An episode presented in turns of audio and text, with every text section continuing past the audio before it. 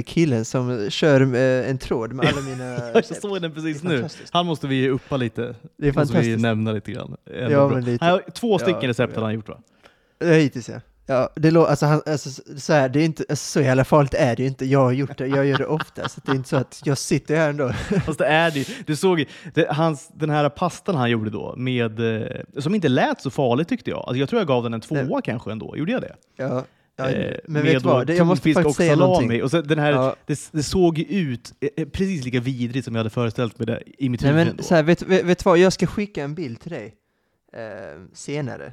Eh, sen kan vi jämföra på Twitter, för att hans pasta såg inte likadant ut som mitt. Jag tycker att hans pasta för det första såg lite för brun ut. Han hade förmodligen inte haft olivolja, varken olivolja eller salt, saltat pastavattnet, ser det ut som.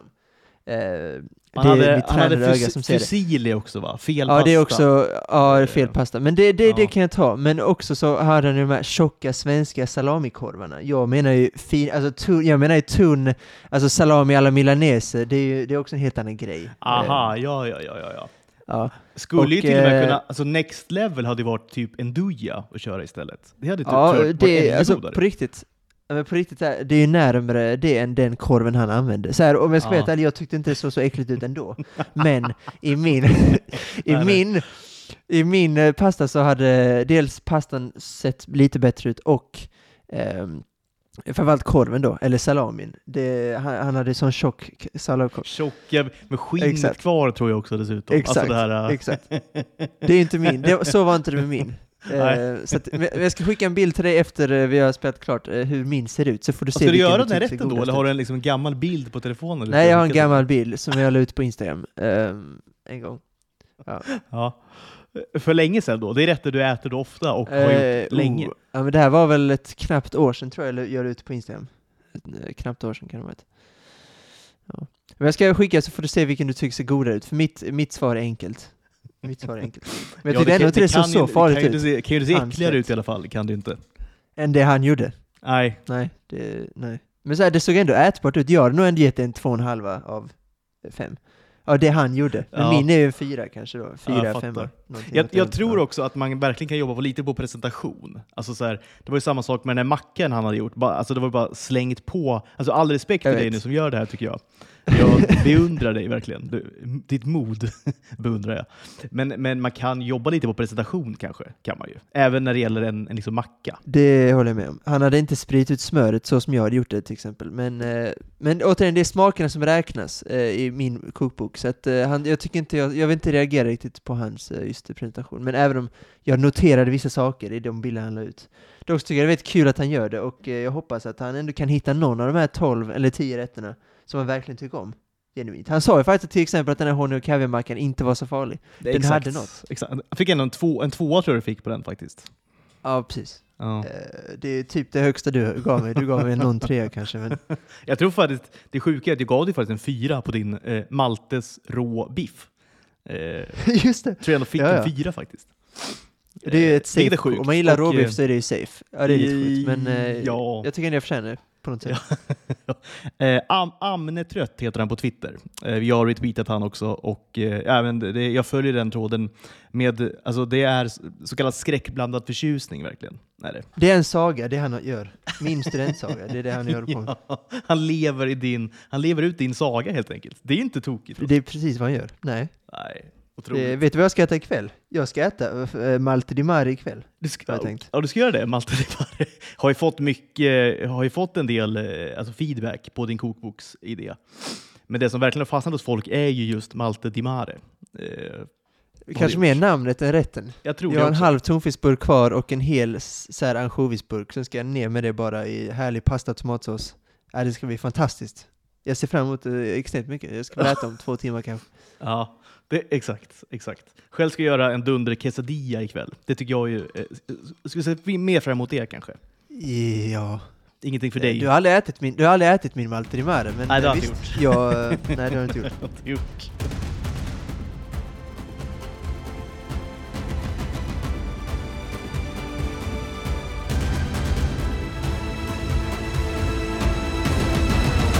Ja, men vi ska väl göra så här då och hälsa varmt välkomna till eh, Tuttoringen. Det är torsdag, det är 20 april och jag känner att, eller jag känner att jag har liksom studs i dojan på något vis. Jag har, Jag också. Ja, men kul, för jag, jag har verkligen känt flera veckor nu att jag har varit liksom väldigt låg på energi. Eh, det har ju hänt mycket i livet och sådär, men, men ovanligt låg på energi har jag varit. Jag tror därför att igår, igår fick jag sova på eftermiddagen, så fem timmar på eftermiddagen. Det har ju inte hänt, det har ju inte hänt på nej, ett par år såklart, sen man fick första då, junior. Och det, det är så, jag behöver verkligen min sömn. De här eftermiddagstupplurerna är något jag alltid har liksom ägnat mig åt och något som jag behöver, tror jag, för att må bra. Och sen idag fick jag också sova ut lite på morgonen. Och det gör att jag mår liksom eh, fem av fem typ. Fem av fem. Jag mår Oj. skitbra Herregud. mår jag. Och det har jag inte gjort på länge. Vad härligt. Ja, Nej, vad härligt. Ja, tillbaka på ön, var- tillbaka till solen, tillbaka till värmen. Eh, även om ni, jag vet att ni har ganska fint väder. Du är hemma i Svedala nu till exempel. Och det är inte kattpiss heller eh, där hemma. Nej, det har varit, eh, sen jag kom då i måndags så har det varit eh, tre otroliga dagar. Det blåser som satan och det är svårt. Jag har ganska rufsigt, eh, rufsigt hår. Eh, lockigt så. Och det passar inte riktigt i sådana här, såna här vindbyar. Ja, alltså det är jättelockigt och rufsigt så. Eh, så det passar inte så bra i sånt här eh, jätte, alltså i vindbyar helt enkelt. Vilket, är- alltså det blåser i Skåne 355 dagar om året. I princip. Ingen, liksom, ingen vind är ju som Skånevinden. Den är ju helt världsunik tror jag. Liksom Den är, blåser det är det verkligen. både nerifrån och upp på något vis. Liksom upp i näsborrar och, och du vet, så här, det det blåser på alla möjliga konstiga sätt. Gör den. Ja men precis, eh, och framförallt kontrasten då till Italien där det aldrig blåser i princip. Alltså nästan aldrig. Och då vill man att det ska blåsa framförallt mot sommaren när det är 35 grader i skuggan. Då vill man ju ha lite vind. Men det får man inte. Eh, så att det är otrolig kontrast och mitt hår passar bättre i, eh, i, i liksom vid medelhavsgränsen där. Det, ja, det passar inte så bra i Skåne, därför Men har hur, jag blir- mycket jag kan keps- tänka mig nästan, keps nästan jag. tvärtom, att ditt hår lämpar sig ganska bra för, alltså, i och med att det är liksom, ehm, ska man säga, jag vet, kör du mycket produkter i håret? Det behövs inte va? Nej, nej det gör jag inte. Det Nej. gör jag inte. Men det, det hade varit bättre i eh, så här vind, för då håller det sig fast. Det håller sig liksom hela dagen, om eventuellt om jag hade testat det. Fast det är inte säker vind, den är stark Nej, här vinden är stark alltså. alltså. Undrar Ja. vilken produkt, undrar vilken produkt som hade räddat mig från det. Ja, det Det är kanske är det jag ska komma in och köpa något. Vad har du mot vind? Vad ska jag liksom rädda mitt hår från en vind? Ge mig knalla vad in- som helst. Exakt. Exakt. Knalla in på valfri då, frisörsalong, som såklart har ett uselt namn. Det har ju alla frisörsalonger. Success. Alltså, Success, eh, Harmony, vet jag vi har i Uppsala, eh, klippt och skuret och så vidare. Det är ju alltid... Undrar om det bara är i Sverige man har det? måste nästan vara det alltså. Min heter, eh, vad fan heter min där uppe? Capelli Ricci. Det är ju bara, heter ju bara lockigt hår. Ja, det är inte så kreativt. Ja, det kanske är en svensk grej då. Och då heter frisörsalongen Lockigt hår? Jag tror, ja, Belly Rich heter den kanske. Det, Belly jag, jag, jag, jag, man kan, jag har ju gått där sedan jag var eh, väldigt liten, så att jag, man kan tycka att jag borde veta ungefär vad stället heter. Ändå men fint att inte byta jag frisör, man håller sig till samma. Det tycker jag om ändå. Ja, alltså jag, jag klipper mig i princip samma hela tiden, så att jag kräver inte mycket. Det är inte så mycket och Så Du att, skulle eh, nästan kunna klippa nej. dig själv tror jag kanske. Eh, min motorik är ju härdisk överlag, eh, när det kommer till eh, sådana saker, så att nej, men eh, i princip. I princip. Undvika, du ska undvika att ha vassa saxar i händerna. Det är en bra idé. Men det tar mig så en, kvart, en kvart in och ut, i princip. Max Ja. 20 minuter tar det för mig att klippa mig. Det är ju... Eh, alltså det, det är en enkel process. En praktisk, enkel process. frisyr har du. Jag tycker du ska vara väldigt glad över ditt hår ändå. Ja, det, det, är det är jag är också nöjd. Det är blont och lockigt och så. Ja, men absolut, jag är supernöjd. Därför är det också härligt, för jag hatade att gå till frisyr när jag var liten. Eh, frisören. Ja. Och eh, nu när jag har eh, liksom eh, halvlångt, eller så här, vanlig liksom mängd hår, när det blir lite för långt så klipper jag det samma frisyr. Det är väldigt enkelt. Det är oproblematiskt med att gå till frisören. Dock tycker jag i grund och botten att någonting som jag tycker vi som män, vi med lätt så här enkelt hår, män då såklart oftast, ska liksom, eh, jag tycker ändå vi ska samla oss på något sätt och kräva att jag tycker inte att en herrklippning ska kosta mer än typ 100 kronor. Eller 150 max. Om man har som jag enkelt hår, en kvart in och ut, alltså Vad kostar det för ska dig det nu kosta då? mer än 100? Eh, men där uppe kostar det 35 euro, så det är knappt 400. Ja, det är ganska, och, eh, här ganska i Lund, dyrt ändå. Ja men det är ganska dyrt. Här i Lund tittar jag runt och det, man kan hitta något för 200 typ. Men jag tycker på riktigt att en kvart in och ut ska inte kosta mer än 100 för liksom mig. Det är liksom någonting jag slåss för. Du har ganska, du har ganska långt hår så för dig tar det, om du, det beror på vad du ska göra, men det, det är klart att det krävs lite mer tid och för tjejer som ofta tar någon timme om de ska färga håret och sånt. Det är liksom, det förstår jag att det kan det är ju kosta. Tre lax mycket. typ, när min tjej ska klippa Ja, sig. men- Det är helt overkligt. Men då ska du egentligen, då Ja. föreslår då, eh, komma till Malta och hälsa på. Det här kan du nämligen få en klippning för, det är 10 euro. Faktiskt. Det är liksom en av de grejerna som är liksom, servicegrejer är ju, kostar ingenting här. Jag kan typ få en, en, en, en toppning och en liksom, rakning. Ja, det är 10 euro. Sen blir det ju som det blir. De, de är ju sällan bra på saker här. Men eh, Nej. man har- alltså, kan man nöja sig med någonting basic? Alltså, ja, men jag tror ändå att du skulle kunna vara nöjd efter en klippning här. Det tror jag. Det är jag säker Alltså det går inte att misslyckas med mitt hår, för det är liksom, eh, jag vill bara ha 2-3 centimeter jämnt. Alltså gör ingenting konstigt, bara klipp Ja. det kortare. 2-3 Ja, det- centimeter. Det det är ska- ingenting annat. Det passar det maltesiska liksom, lynnet. Liksom, det, man gör inget annat än det som liksom, nödvändigtvis bara krävs. Inte, inte något annat gör man. Eh, Nej. Det är Nej. precis det jag vill ha. Jag hos en frisörsalong. Malte passar på Malta. Det är perfekt. Nej, men jag är tillbaka på ön som sagt och vi har ju ett, eh, alltså fullmatat vet jag inte, men vi har ett väldigt spännande avsnitt framför oss. Eh, jag vill nästan direkt hoppa på våran topp 10-lista. Eh, Ja, det kan vi göra. jag faktiskt. känner Det liksom tycker jag ett också att vi ska. sug på den. Vi, vi fick ju ett uppdrag, eller en fråga, att, att liksom lista våra topp 10 thrillers. Vilket på förhand lät som ett, liksom, ett totalt omöjligt liksom, uppdrag. Eh, och ju mer jag började sätta mig in i det, desto mer insåg jag ju att det är i princip omöjligt att göra en sån lista. Ja, det är den svåraste att så här, definiera genre på, tycker jag. Eh, när, man går, när man scrollar igenom som IMDB så är just thrillergenren är ju Ja, den är jättesvår. Det finns thrillerelement i många filmer, men är det en thrillerfilm? Eh, och jag har, valt att, jag har valt att ta bort ganska mycket som jag känner, ah, men det här är väl en thriller, men det är också action och så. Jag vill ha liksom tydliga thrillers på min lista. Så det är en svår, är det de tio bästa thrillerfilmerna? Jag vet inte, men därför är den här listan rolig att göra. Så bra att den här, jag vet inte vem det var eller vad han hette eller så, men bra lista. Dåligt av oss att inte kolla Alltså- upp det. Men du vet, Ja, det, du det vet vem du är och vi vet också vem du är egentligen. Det är bara att vi, vi är så dåliga på namn i den här podden. Eh, vi är usla på namn är vi. Fruktansvärda. Men ska vi bara, liksom, ska vi bara sätta, liksom, set the stage här? Alltså vi, direkt började vi, direkt, direkt så vi- blev vi liksom taggade på den här idén då, att lista 10 bästa thrillers. Eh, men eh, direkt så kom vi båda, alltså vi skrev i princip samtidigt till varandra att så här, det första vi måste göra det är att liksom definiera vad är en thriller. För det är som du säger, för mig är det kanske den mest svårdefinierade liksom, genren som finns. För att det, det är väldigt många thriller-element i vissa filmer och liksom, det, det, det finns ju gränslandet hela tiden mellan typ drama, skräck. Eh, nej men det finns här jättemånga liksom, element som, som går in i varandra, alltså cirklar som liksom går in i varandra hela tiden när det gäller thrillers. Så jag kan tänka mig att vissa filmer jag har nu haft på min lista här, eller har på min lista, kommer du kanske säga men det där är ingen thriller.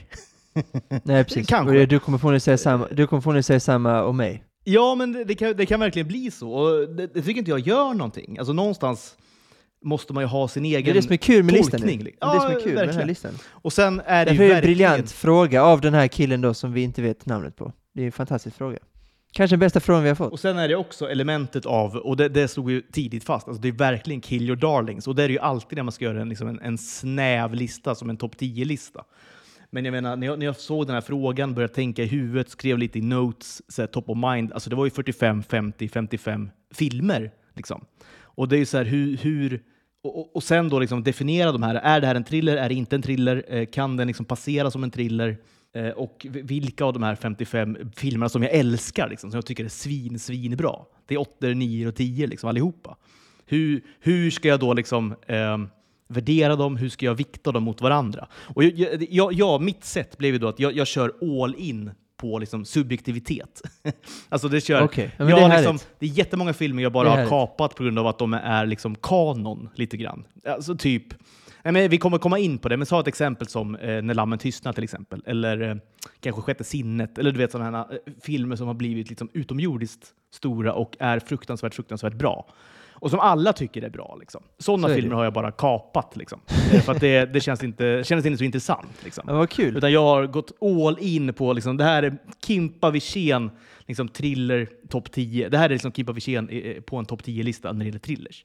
Det tycker jag är otroligt Så vi får se vad du kommer tycka om dem. Du kommer säkert liksom, eh, vissa filmer kanske du inte ens har sett, vissa filmer kommer du vara väldigt frågande till, tror jag. Vad kul. vi får se. För jag kör, alltid en jag kör alltid en blandning av subjektivitet och objektivitet. Det tycker jag är bäst. Vilket förmodligen är det bästa, är det bästa sättet att göra ja, det på. Kanske. Men, ja, kanske, men också kanske blir lite otydligt. Eh, Men jag vet men jag tycker det funkar bäst för mig. Ja, men då kör jag, bara- jag bara nämner ett par filmer till exempel som jag har strykt med, lite som du har sagt nu, på grund av just genregrejer. Psycho till exempel, som jag tycker är en skräckfilm. Uh, Inception som jag ser mer som en actionfilm. Lighthouse som jag ser mer som en skräckfilm. Dark Knight som är som en uh, actionfilm. Munich action. 12 Monkeys, Children of Men, science fiction. Departed med krim. Born-trilogin, också så här action. Mad Max Fear Road, också lite action.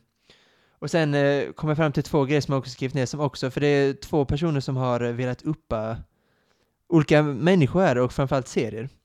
Eh, en kille då vill att vi skulle hylla Mindhunter, och då kan jag göra det genom att eh, säga att, eh, jag har sagt att det finns två filmer som jag ser om, eh, som, varje gång jag ser om så blir filmerna bättre. Och det är bara två stycken, och det är The Matrix och det är Social Network. Men det finns faktiskt, och om det är en serie som man kan säga ungefär likadant om så är det Mindhunter, inte för att jag har sett om den, men ju mer jag tänker på den, desto mer älskar jag den. Det är liksom, eh, det är kanske min tydligaste 9,9 som finns. Jag har inte gett den en 10 på IMDb, men den är så nära som, alltså jag är så nära, jag har gått in ofta på det. Ska jag trycka på 10? Nej, jag är inte riktigt, jag kan inte, men eh, nästan att jag är inne på det liksom. ja, Eh, visst. så det, vi vi kan ändå hylla Mindhunter nu, att det är helt fantastiskt. Och om man gillar David Fincher, eh, jag ska bara säga att David Fincher har en stor plats på min topp 10-lista, det kan jag säga. Det är absolut Men jag tänkte precis säga det, båda vi har ju såklart liksom minst en David Fincher-film Det- på våra så är det. Så är det. Ja. Men, men på tal om Mindhunter, och det, det är ju såklart, det, det, det är ju en, alltså det är en jättestor sorg. Jag vet inte om det är därför vi liksom inte har pratat om Mindhunter, för jag vill liksom nästan skärma mig lite ifrån liksom faktumet att den är nedlagd. Liksom. Ja, Jag, är förstår otroligt. inte, jag förstår inte hur man kan ta det beslutet eh, som Netflix gör och, och liksom lägga ner en sån bra serie. Sen att den är påkostad, den är dyr, ja det är klart den är, men lägg ner då liksom 15 av det andra pisset som ni ska lägga pengar på hela tiden. Liksom. Ja, absolut. Alltså så här, alla som har sett Mindhunter älskar Mindhunter. Du säger du vill ge den en 10, jag vill också ge den en 10. Alltså vad har den på IMDB? Den måste ju ha en runt 9 i 8,6 snitt. 8,6 tror jag. Det är- 8,6, Det är superhögt. Ja, men du vet, så här, det, det är en megasuccé liksom. Och att de ska lägga ner den efter två säsonger. Jag skulle, säga att det, det är- jag skulle säga att det är Netflix bästa serie. För så här Breaking Bad, de, de finns på Netflix, men det är ju AMC-produktion från början tror jag. Exakt, Så att, eh, exakt. Jag skulle säga Ja. att ut- Stranger Things är väl där att konkurrera, men jag skulle säga att jag föredrar Mindhunter. Nej, Mindhunter, eh, eh, klasser bättre skulle jag säga. Ja. Det är du som har ditt säsong 4-hat där, men eh, visst, absolut. Nej men säsong ett, Stranger Things, är ju liksom on par lite grann tycker Jag, jag. jag, tycker, jag tycker Mindhunter, för mig slår det precis. Och så här Cobra Kai där uppe, men jag tycker att det är den bästa du har. Och så här serier tycker inte jag kanske man ska ställa dem emot, men ställ dig emot de här filmerna som de gör som är helt värdelösa. Och framförallt Nej, uppföljare på dem. Framförallt Murder Ja. Mystery 2 som kom ut nyligen. Inte för att Extraction vem bryr 2 var dålig, men Vem The bryr sig? Ja men lite liksom? så är det, lite så. Nej men alltså. Eh, Nej, det är tråkigt Nej. att det inte blir en säsong tre, men det gör ju också att säsong, de här två säsongerna, man kan ju se om dem nu, det är bara 14 avsnitt, det är bara att se om dem liksom. Det är exakt det jag ska göra faktiskt. Nu blir man ju ännu mer sugen då på att faktiskt se om dem. Ehm, äh, men de, de är så fruktansvärt bra alltså. Så har ni inte sett Mindhunter, se för guds skull Mindhunter alltså. Ja men det, det känns som att det är, och det är så mycket David Fincher i det. Uh, alltså, han har, han har regisserat, tror jag, nästan hälften av avsnitten, om inte fler. Ehm, ja, det är otroligt välgjort. Uh, alltså, ja, du ser att det är Fincher. Om du gillar Fincher arbete så kommer du tycka om det. det är, och det är fa- fantastiskt skådespel också. Uh, det är, och det är massa kända mod. Ja, den är jättesnygg, den, ja, den är jättebra bara. Det är otroligt bra serie. Jag, som sagt, jag tycker det är Netflix bästa serie någonsin. Ehm, och Ja. framförallt de sista Nej, 50 jag kan nog hålla med om det. Så. Ja. Jag liksom kommer inte på något bra motbud. Så här. Nej, inte jag Eh, top of mind, det gör jag inte faktiskt. Och en, per- och en person till vi ska hylla innan vi går in på listorna är Michael Mann, som också någon skrev om på klotterplanket, att ehm, eh, vad, vilka är ni favoritfilmer från honom och så vidare. Ehm, och eh, Collateral är faktiskt på min honorable mention-lista, som jag också, alltså det är en, Mm. det är en jättesvår att definiera genre tycker jag på den. Du skulle väl kunna säga att det är en thriller, men jag vet inte. För mig är det också lite så här, äh, jag vet inte, jag vet inte vad jag skulle, hur jag skulle definiera Collateral. Det är också skitsvårt. mycket action liksom. Det, det, är, eh, nej, men det, det är jättesvårt att definiera faktiskt. Den har ju tydliga thrillerelement, det har ja, den ju verkligen. absolut. Men jag vill ju ha på min lista så här tydliga, det här är en thriller. Men det jag vet inte man skulle Mm, det kan säga inte vara så mycket annat liksom. Det ska inte vara så mycket annat. Ja. Är, om Ja. du har satsat på subjektivitet så har jag satsat på, eh, vad ska man säga, eh, tydlig, alltså det ska vara en thriller, du ska se att det är en thriller. Därför är så här Claro lite för otydlig för min lista. Och då sa han så här, vad är, din vad är era favorit Michael Mann-filmer och så? Och jag ska faktiskt säga att Michael Mann är en av de regissörer jag har sett minst av. Jag har sett Collateral och jag älskar den.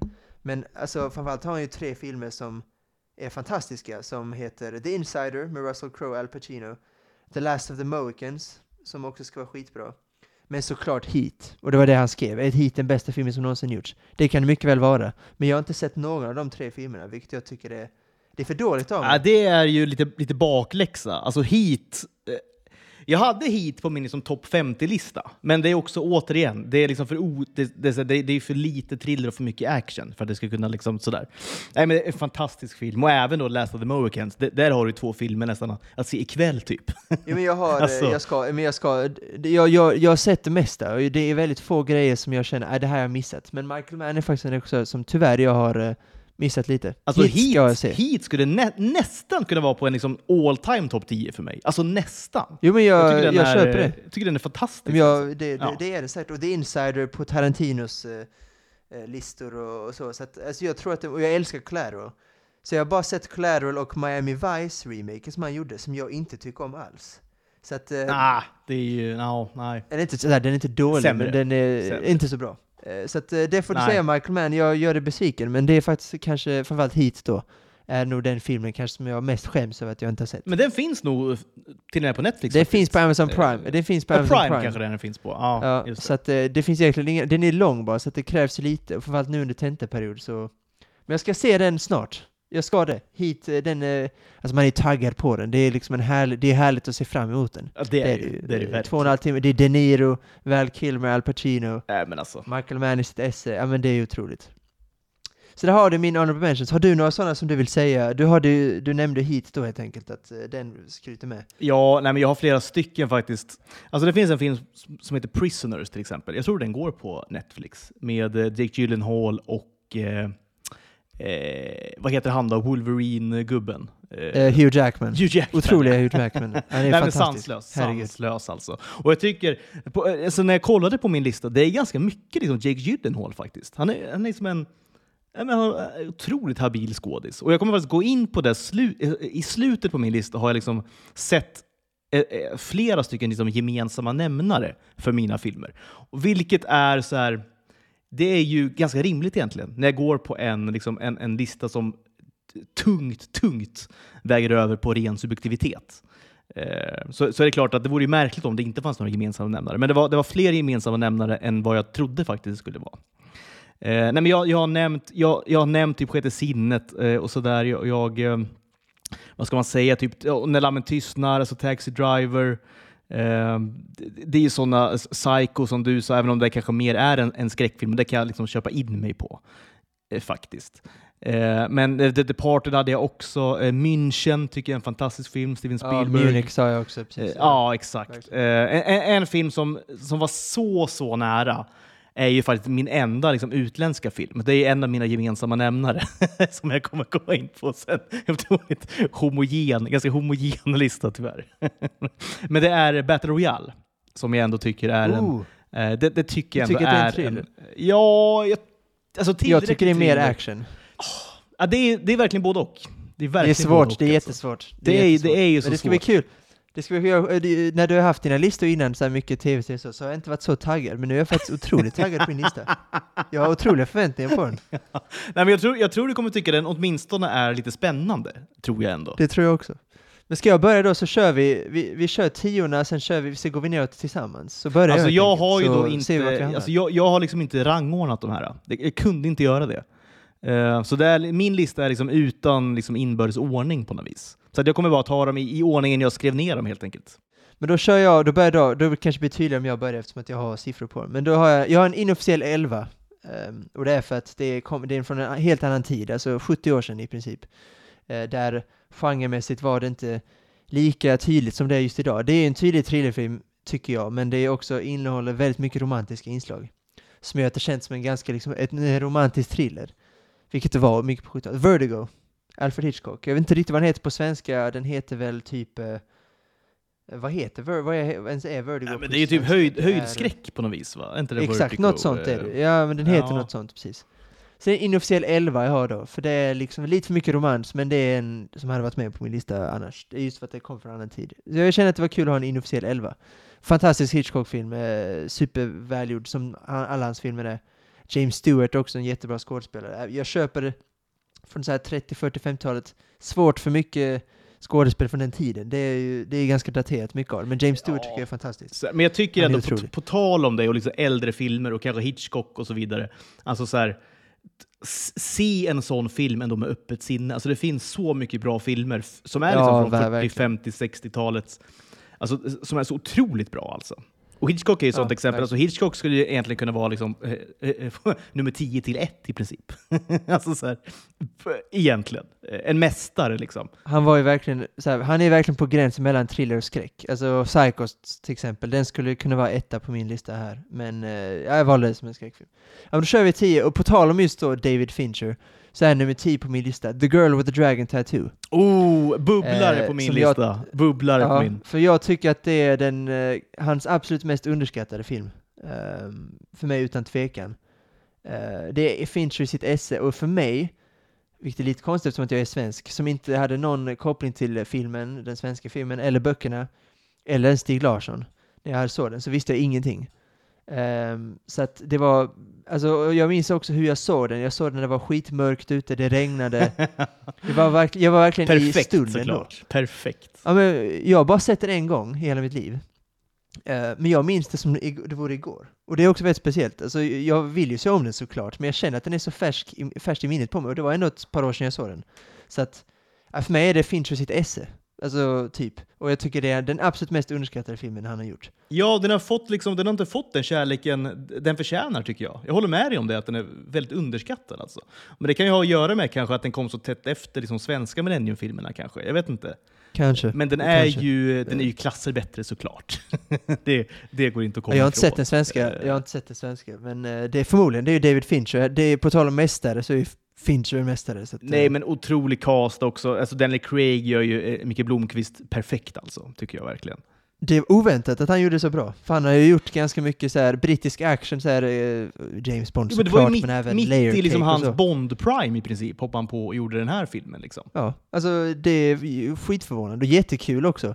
För som sagt, Bond, Layer Cake, han var med i Tomb Raider också en sväng, så att det var verkligen ett his box. Så också klassiskt Fincher, släng in honom där. Ja. Ehm, ja, men jätte, alltså jag tycker, kul att ha med den på listan också, för den pratar som för lite, så jag är glad att jag fick ägna nu två minuter. Ja, men den föll verkligen på målsnöret för mig. Så att, ja, det var verkligen en bubblare alltså. Så kul ändå att du hade med den. Nej, men ska jag ta vid då med min eh, här? Det är inte min nummer 10, men det är, det, det är liksom den första jag skrev ner då. Eh, A time to kill. Mm. Och det tror jag inte är en film du har hört talas om, den är från 96. Så jag Jo, har ja, en del. det är Matthew McConaughey, Simon Jackson, jag har Ja. inte sett den, den Ja, är men på min. Netflix-lista. Ja, den finns på Netflix, ska jag verkligen säga. Den är baserad på en John Grisham-roman, och den har ju en ruskig cast alltså. Som du sa, Matthew McConaughey, där Sandra Bullock, ändå i sin prime då, 96. Det är ju precis då... Ja, det är Post-speed. precis exakt på speed och du vet, the web och allt det här. Hon hade ju sanslöst 90-tal alltså. Det hade hon faktiskt. Eh, Samuel L. Jackson och, och det med, med Kevin Spacey och Kiefer och Donald Sutherland till exempel. Och Oliver Platt Oj. och sådär. Nej, men, eh, Otrolig cast. Ja, men det är en ruskig cast alltså. Och den utspelar sig liksom, jag tror det är Louisiana eller någonting. Det är, liksom, det är mycket svettiga kroppar. Uh, Matthew McConaughey är då en liksom ung aspirerande jurist. Och jag, jag är så svag för liksom den här alltså amerikanska liksom rättegångsfilmer. Eh, ja, men jag tycker, det, jag tycker det är så fruktansvärt bra. Alltså. Och den här filmen är verkligen ett, ett, ett otroligt exempel på en, på en sån film. Och också att Matthew McConaughey som också är, alltså det är ju en av mina favoritskådisar på något vis. Och han är väl ju ofta ganska liksom hånad och det är mycket alright, alright, alright. Ja, men du vet, så här, det är mycket sånt. Och så här. Men han är ju en, eh, nej, men en av mina absoluta favoritskådisar måste jag säga. Och det här är en av mina favoritfilmer med honom också. Och en given, en given eh, liksom ett, ett givet namn på min eh, topp 10-lista. Thrillers helt enkelt. Ja, eh, kul, fräsch. Det, det är en sån genre som jag känner är... Jag brukar hata, precis som du var inne på innan med gamla filmer, jag hatar när folk säger att den är så daterad. Det är ofta folk som inte riktigt kollar på så mycket film, för jag, en bra film håller alltid. Det är vissa grejer som såklart är daterade på grund av Framförallt det visuella, vilket inte är så konstigt, teknisk utveckling och så. Men det finns faktiskt en genre som jag tycker är ganska daterad, och det är ofta 90-tals thrillers just. Typ A Time To Kill. Men jag ser att det är två och en halv Ja. timme, det kommer förmodligen vara extremt långsam. Alltså lite som Nej, för mig, The, Pia- The Pian, vad fan heter det? The Piano? Nej, The. Firm, förlåt. The Firm. Jaha, ja, ja. ja. med Tom Cruise.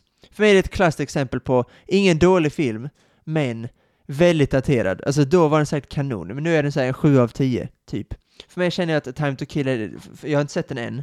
Sen har också Time To Kill lite av en cast som, alltså det känns som att det kan väga upp för det. Och just Det kan ju inte bli... eh, Men, exakt, hur dåligt kan det bli lite grann? Nej, det kan inte bli så dåligt. Samtidigt då som, alltså, så jag tycker man ska omfamna lite grann, alltså det här, just 90-talet som du säger, det är en sån otroligt specifik, liksom, eller speciell tid på något vis, i, film, i liksom filmmakeriet på något vis. Men jag tycker, ska man se den här filmen, och jag har flera 90-talsfilmer på min lista också, eh, jag tycker man ska omfamna liksom, 90-talet med alla deras liksom, quirks and liksom, eh, det, var, det var ett väldigt märkligt eh, liksom, decennium på många sätt. Men omfamna det tycker jag.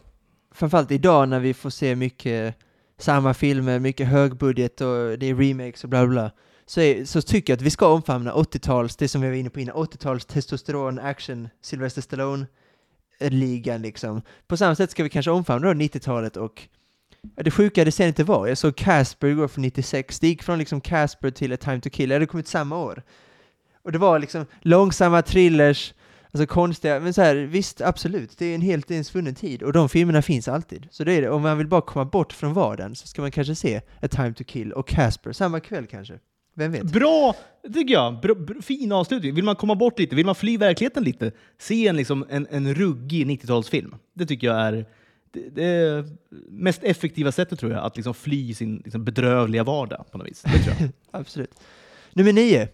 Ehm, vill ha med Coen Brothers på listan. No Country for Old Men var också en sån som jag kände, fan det känns inte som en thriller, alltså jag fick inte med den där. ja, jag hade den som en bubblare också. Den var så nära ändå att komma in. Den har ju också... Men jag, jag, kan ändå, jag kan ändå se den som en thriller, men jag förstår vad du menar. Det Ja. är... eh, Det, nej, det, är, det är verkligen kantboll alltså. Det är verkligen kantboll på den. Jag fick med Fargo och eh, det var, för jag är ett jättestort fan av Coen-bröderna, så det, är- det är någon slags ton de får till som Ja, jag är bara otroligt förtjust, framförallt ur ett alltså, så här, humorperspektiv. Eh, det kanske är det största, men även... De är, ju- de är ju liksom den mörka komedins mästare. Exakt, och det är ju inte så amerikanskt. Är, vi har ju mycket av det i Sverige och i Storbritannien, men då får vi inte så mycket av det liksom i Hollywood, och det tycker jag är synd, för det är ändå det jag konsumerar mest. Eh, så därför är Coen-bröderna för mig ett, eh, men jättestor inspiration, och framförallt Raising Arizona och så vidare. Men eh, Fargo är ändå för mig, det kändes som en thriller, det kändes rätt när jag tog med den här på listan. Det är, eh, för det är, inte, det, är så här, det är inte lika mycket skämt så här, tonmässigt som Oh, oh Brother Where Art Thou och eh, Erasing Racing Arizona eller Bart, Barton Fink liksom, du vet de. Fargo känns first and foremost som en thriller och sen som den där mörka, mörka komedin som det faktiskt är. Där är Oh Margie, du vet den liksom, den stilen som de har. Alltså för mig är Fargo, eh, alltså verkligen perfekt thriller för vad de vill åstadkomma. Det, blir, det är mer thriller än komedi. Därför är Fargo för mig självklar på, på listan. Jag kan bara, jag fyller i, eh, som håller med om allt du säger. Fargo är på min lista också. Och det är en av de första filmerna jag, jag liksom kritade ner faktiskt. Okej, vad bra. Ehm, Då har vi den. Nej, men, jag, nej, men det, det är verkligen en, det är, det är en otrolig film alltså. Och med, eh, alltså också en, en, en liksom, det är William H. Macy, det är Francis McDormand och Ja, ja, ja, inte minst då. Steve Buscemi och Peter Stormare. Ja. Någonstans sina livsroller lite grann. Det är lite så är det. Tänk, tänker jag på Peter Stormare, tänker jag på Fargo. Så enkelt är det. Men det gör jag också vad annars skulle man tänka på. Alltså han är ju rätt mycket Hollywoodfilmer, fast han har så här ganska liten, alltså han är med i John Wick 2 till exempel, som vi pratade om, han är med i 22 Jump Street, alltså han är med i rätt mycket Hollywoodfilmer. Jag tror inte svenska folket har koll på det, för han är inte med i de här liksom nya Tarantino-filmer, nya Spielberg-filmer, han är med i väldigt många stora Hollywoodfilmer med små roller som folk inte tänker på. Så jag tror inte folk förstår hur stor han är. Nu kommer vi fram till en väldigt spännande del av min lista som är den enda som jag känner Alltså det är många stolpträffar, så här stolpe in och stolpe ut, när det kommer till thrillers. Den här känner jag är på riktigt stolpe, stolpe, om den är inne eller, jag vet inte, för, för mig är det fortfarande, Sjukt! Jag, jag har också en sån film alltså. ja vad kul, men då tar du den Sjukt efter om det är jag tar den samma här. film, jag tror inte det är det. Men eh, spännande. Det här känns inte som en Kim Wirsén-film om jag ska vara helt ärlig. Men eh, Sweeney Todd, The Demon Barber Fleet Street Okej. har jag med på min lista. Ja, ja. För att ja. jag kände ju såklart, det är Tim Burton, det är lite mer skräck, så här halloween-aktigt, men så jag kände, är det verkligen så skräck? Alltså det är mörk mise och allt sånt liksom. Men nej, jag kände fan att det är en, det är en musikal såklart också, först och främst. Men det är ju en, för mig, jag valde, det är fan en thriller. Det är lite som Psycho, det känns mer som skräck. För mig var Sweeney Todd mer en thriller. Slow burn, så här dark. Ehm, och anledningen till att jag vill ha med den här är att, för mig är det Tim Burton i sitt esse, just som jag sa, mise en scène, det här mörka, ehm, Johnny Depp i märklig liksom så här utklädnad, eh, blek. Alltså all det här området, det här liksom svarta det här skuggor, det är verkligen Burtons estetik i sitt esse. Men det är en Som man otrolig älskar, en, historia. utklädd Johnny Depp. det, det kommer man alltid älska på något vis. Det kommer han alltid göra. Och eh, för mig är den sista Tim Burton-filmen som var fantastisk också. Och jag tycker att eh, det, dels är det en fantastisk historia, alltså tydlig så här revan, revanschhistoria. Det är också en obskyr historia med att han, eh, spoiler då, är en, eh, ja, på tal om hårfrisör, han är en barberare som mördar folk liksom. Eh, det är en fantastisk historia, fantastisk musik från Steven Sondheim, eh, Johnny Depp, alltså det är verkligen, det är verkligen en match made här. Ibland blir det så i filmbranschen att allting, stjärnorna står rätt. Och Tim Burton sk- skulle göra detta, Johnny Depp skulle spela den rollen, Steven Sondheims musik. Eh, För mig, jag ville så gärna ha med den på min lista, men det är som sagt lite otydlig om det är just en thriller. Det kanske är mer skräckfilm. Ja, men ett, tydligt och kanske sub, subjektivt val ändå på din Det lista. här är ett litet, det här, jag ville verkligen få med den här, för jag tycker också lite underskattad som Girl with the Dragon Tattoo, tycker jag. Jag tycker, jag tycker alla borde se den, även om den är väldigt konstig såklart. Det är en musikal och i mycket jo, men blod den är och mycket absolut våld och så. sevärd. Absolut alltså. Ja, nio av tio. Gud ja. Och, och ska säga också, hittills är alla mina filmer jag sagt nio av tio. Det dröjer till eh, femman innan det är tio. Men än så länge är det nio och äh, Sweeney Todd, kul att få med den. Tycker det var pikt ändå alltså. Tycker det var pikt val. Ja, det Eh. kanske är det piggaste valet jag har på listan, ty- tyvärr, men eh, absolut. Ja, men, nej, det, det är okej. Eh, kommer vi till min då, eh, en film du kanske också har på din lista, men det är från 95, det är Brad Pitt, det är Morgan Freeman, det är, eh, eh, det är David Fincher också då, det är Seven. Eh, som är, nej men det, det är en, det är en så, det är också ett av de, en av de första filmerna jag bara plitar ner på den här listan. Den är, Men är, är, är det thrillernas thriller? Är det Ja, thrillernas eh, thriller? Ja, alltså, ja, alltså lite så tror jag faktiskt. Det, ehm, jag, jag, det här är, skulle, skulle jag ha en liksom ordning som jag nu inte har, men då är ju den här förmodligen nummer ett. Eh, det, ja, jag tror faktiskt det. Den är så... Jag tror, jag tror väl alla har sett den här och har man inte sett den har man ju gått miste om, om en av liksom filmhistoriens vi, viktigaste filmer kanske. What's in the box? What's in the box? Nej, men det nej, men det, det, jag, jag vet inte. Jag, jag kan liksom inte säga så mycket mer om den här filmen mer än att den är, den är given på den listan och den är given på en väldigt hög placering. Så Ja. är det. Ja, men jag tycker att eh, det jag sa, om jag får säga det själv, alltså att det är thrillernas thriller, åtminstone i så här västvärldens film, det är ju det är ju så alltså. Det är thrillernas thriller. Det är, det är, den, är, den är perfekt, helt enkelt. Eh, för, vad- och jag ska säga också att det var faktiskt roligt nog nummer sju på min lista. Seven var är val nummer seven. Eh, Men det var ju bara för att också, lite grann. Ja, lite såklart. Men också för att jag kände att de... Lite showmanship. Och det, det, tycker Ja. jag, det tycker jag är kul också. Ja, men, eh, men jag kände också att de sex jag har överst är bättre, så det var inte bara Okej. det, men det är också såklart, jag, när jag noterade att den hamnar på nummer sju, jag ville inte, jag ville inte ta Du bort hatade det. Jag inte ville det, ha kvar nej, exakt. Nej, det gjorde jag verkligen inte. Då har jag nästa rulle, som jag faktiskt såg om lite grann igår. Eller jag såg halva, sen vaknade eh, mitt yngsta barn och var vansinnig, så jag hann inte mer. Men det är Zodiac från 2007. Ooh. Mm. Eh, och den handlar ju helt enkelt om, då, om liksom The Zodiac Killer. Det var ju en, en seriemördare. På tal om Mindhunter, eh, lite grann. Eh, men, eh, en seriemördare som härjade på 60-70-talet i, eh, i Kalifornien. Eh, tror det var San, San Francisco liksom, area, men det var nog över hela Kalifornien. Eh, och den kommer in då, på tal också om Jake Gyllenhaal, gör ju en stor roll i den här filmen. Och även Robert Downey Jr. eh, och Mark Ruffalo. Så det är ju en... Eh, Nej, men det, det, är liksom, det, det är bra all the way här, verkligen. Mm. Mm. Ja, vi återkommer till Jake Gyllenhaal och eventuellt Zodiac också i framtiden, så säger vi, tar vi det sen då kanske. Så går jag vidare i min lista. Eh, nummer sex, Som för mig är ganska rolig för att eh, när man tänker på M. Night Shyamalan så tänker man kanske mer på Six Sense. Bland annat, bland annat. Eh, Men- det är ju en men- av mina egentligen favorit, eh, måste jag säga, regissörer. Eh, men, men högt och lågt. Högt och lågt får man säga. Högt och lågt, det skulle han kunna heta i mellannamn. M. Night Högt och lågt Shyamalan. Det kan man minst sagt säga. Eh, men nummer sex för mig är inte The Sixth Sense, utan det är Unbreakable. Mm. Vilken Mm. är min favorit eh, med Shyamalan-film då helt enkelt. Eh, Ja. Jag skulle nästan föredra både Signs och Split före Sixth Sense. Eh, Ja, Science kul. är också en fantastisk film alltså. Verkligen underskattad. Och the, och the Village också. Alltså han, sjuka, alltså mellan Sixth Sense och The Village, det, de sex åren, då var det ju, sen hände ju då The Happening och After Earth och Jag menar, Ja. eh, exakt. det hände, han, saker han, hände, han, saker han, sig liksom. han, var ju han regerade ju Hollywood på något vis under de Lite åren. så var det. Och jag vill bara säga en sak om Unbreakable innan, förutom så här, såklart Bruce Willis, eh, Samuel Jackson. Men det är det här liksom tydlig Superman-mytologi. Alltså vad händer om Superman är ibland oss och han vet inte om det och vi vet inte om det? Det är liksom, förmodligen, jag ska inte påstå att jag har tänkt på detta och inte han, för det har jag säkert gjort. Eh, men det är väldigt speciellt ändå att, vi vet ju alltid att Clark Kent är där och att Superman är där och räddar oss, men han vet inte om det, vi vet inte om det. Och vad händer då? En vanlig människa får de här krafterna liksom. Det är inte någon som, från Kal-El liksom. Så att, eh, ja men jag tycker det är en skitcool historia och såklart supervalued, och för mig är det M. Night Shyamalans eh, bästa. Och om David Fincher är liksom kanske thrillermästare nummer ett i Hollywood så är kanske M. Night Shyamalan nummer två. Eller åtminstone Ja, det. det, det tror jag man måste säga. Och det är kul att du, du nämner Unbreakable. Unbreakable var verkligen... Jag, jag valde mellan två eh, Shyamalan-filmer faktiskt. Och eh, Unbreakable var den som... Nej, men återigen på målsnöret. Jag, jag, jag, jag gick liksom... Här gick jag all in liksom subjektivt.